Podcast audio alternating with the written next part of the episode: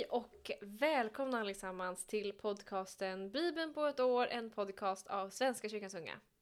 Mitt namn är Rebecka och jag jobbar som diakon i Svenska kyrkan i Stockholms stift. Och idag ska vi få vara med på en resa till eh, Kungaboken, Apostlagärningarna, Saltaren och Ordspråksboken.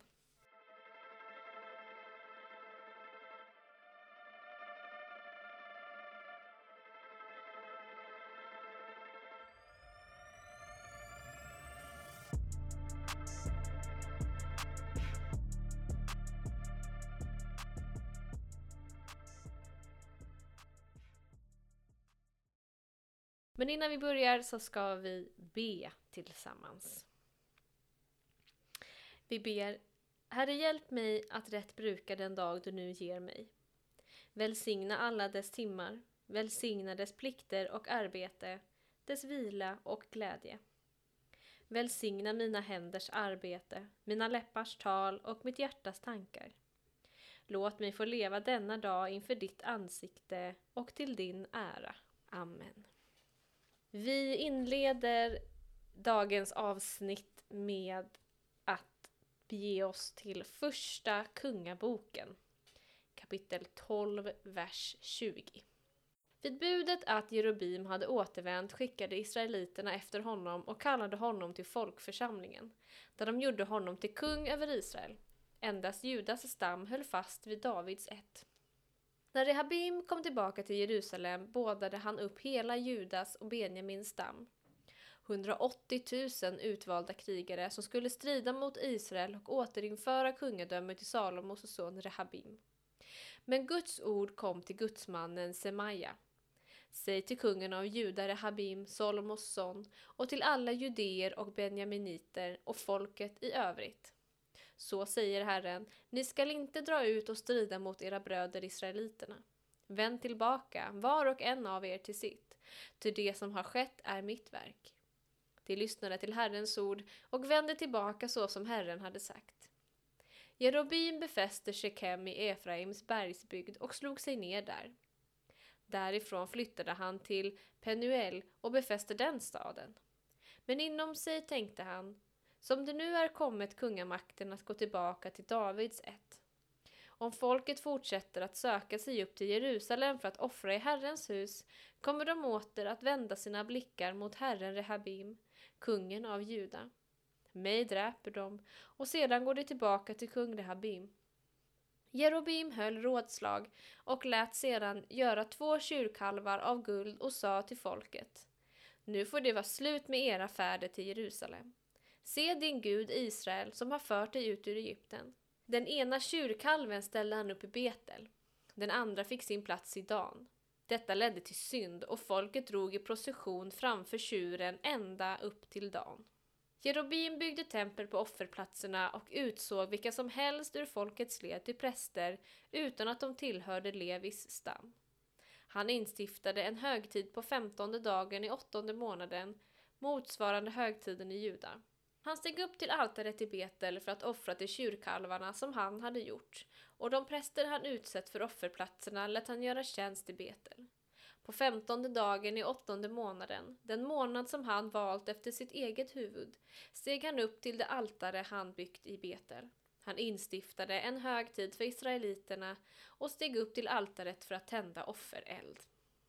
En gudsman hade på Herrens befallning kommit till Betel från Juda och just som Jerobim stod vid altaret för att tända offerelden ropade gudsmannen på Herrens befallning mot altaret. Altare, altare! Så säger Herren, en son skall födas i Davids ett. Han ska heta Josia. På dig ska han slakta de präster vid offerplatserna som tänder altarelden. Ja, på dig skall människoben brännas. Samtidigt kungjorde han ett tecken. Detta är tecknet på att det är Herren som har talat. Altaret skall rämna och askan spillas ut. När kung Jerobim hörde de orden gudsmannen riktade mot altaret i Betel pekade han upp på altaret på mannen och ropade Grip honom! Men armen han sträckte ut förtvinade och han kunde inte dra den tillbaka. Och altaret rämnade och askan spilldes ut. Det tecken som gudsmannen på Herrens befallning hade kungjort. Då vände sig kungen till gudsmannen. Blidka Herren din Gud, ropade han, och be för mig så ska jag dra tillbaka armen. Gudsmannen blidkade Herren.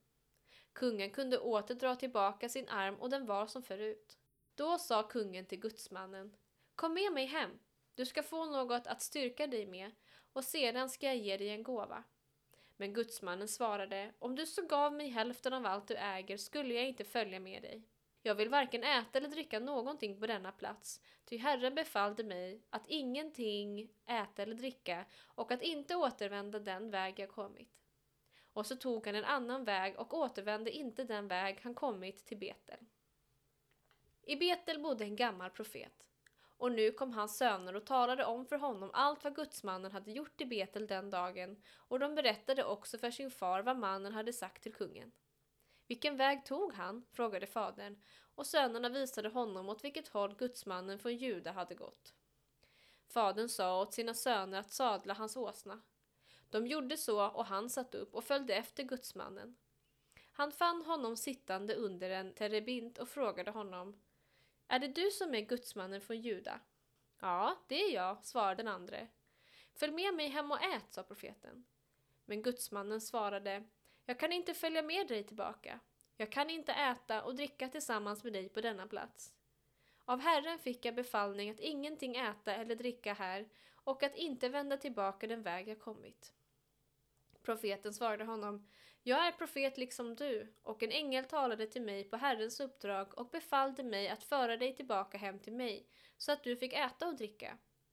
Men detta var en lögn. Gudsmannen följde med honom tillbaka, åt och drack hemma hos honom. När de nu satt till bords kom Herrens ord till profeten som han hade fört honom tillbaka. Han ropade till gudsmannen från Juda. Så säger Herren, du har satt dig upp mot Herrens vilja. Du har inte lytt den befallning som Herren din Gud gav dig, utan vänt tillbaka och ätit och druckit på den plats där han förbjudit dig att äta och dricka. Därför skall din döda kropp inte läggas i dina fäders grav.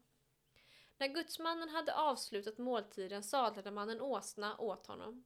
Den tillhörde profeten som hade fört honom tillbaka.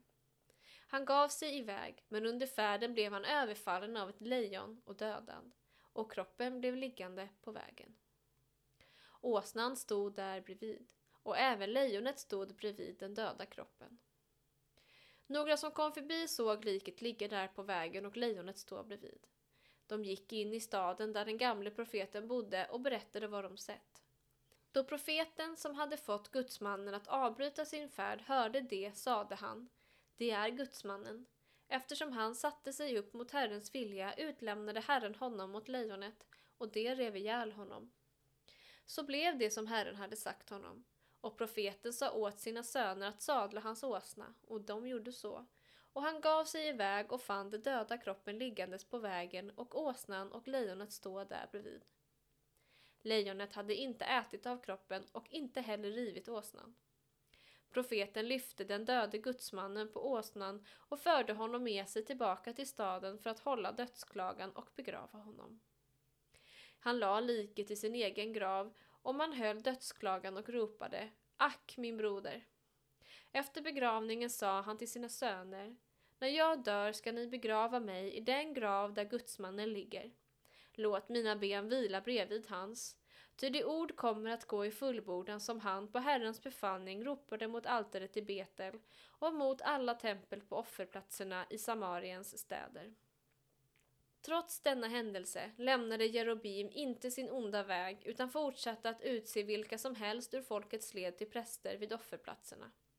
Vem som ville vigde han till präst vid offerplatserna.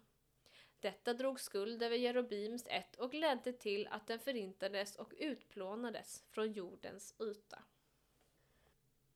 Vi får följa med på en resa där gudsmannen har fått tydliga förhållningsregler för hur han ska göra för att göra rätt. Han ska inte äta och dricka på ett visst plats och han ska inte heller gå tillbaka till där han en gång har varit. Eh, och sen träffar han en annan profet som säger att han har fått höra från Gud att han, den här gudsmannen absolut kan komma hem till honom och äta och dricka. Även om det innebär då för gudsmannen att han behöver bryta mot det här förbundet han har med Gud. När gudsmannen då går tillbaka så eh, blir han straffad för att han har brutit mot reglerna och får betala med sitt liv. Profeten, vad jag förstår, får lite dåligt samvete tror jag och ger då den här gudsmannen en värdig begravning. Han vet ju att han har lurats och det gjorde han med mening. Så frågan är då vad den här berättelsen vill säga oss. Menar den att eh, vi ska se till att inte bli lurade? Men hur ska vi veta om vi blir lurade eller inte? Det är svårt att veta innan det har skett. Handlar det kanske om att känna ånger när vi har gjort fel och sen göra rätt så gott vi kan utifrån de förutsättningar vi har? Ja, det finns många tankar som lyfts efter den här texten. Vi fortsätter vårt poddavsnitt med Apostlagärningarna. Och då ska vi gå till Apostlagärningarna 9 och vers 26. När han hade kommit tillbaka till Jerusalem försökte han ansluta sig till lärjungarna. Men alla var rädda för honom eftersom de inte litade på att han var en lärjunge. Då tog Barnabas honom med sig till apostlarna och berättade för dem hur Saul på vägen hade sett Herren som talat till honom och hur han frimodigt hade predikat i Jesu namn i Damaskus. Sedan fick Saul komma och gå som han ville hos dem i Jerusalem och talade frimodigt i Herrens namn. Han predikade också för de grekisktalande judarna och disputerade med dem. De bestämde sig för att röja honom i vägen.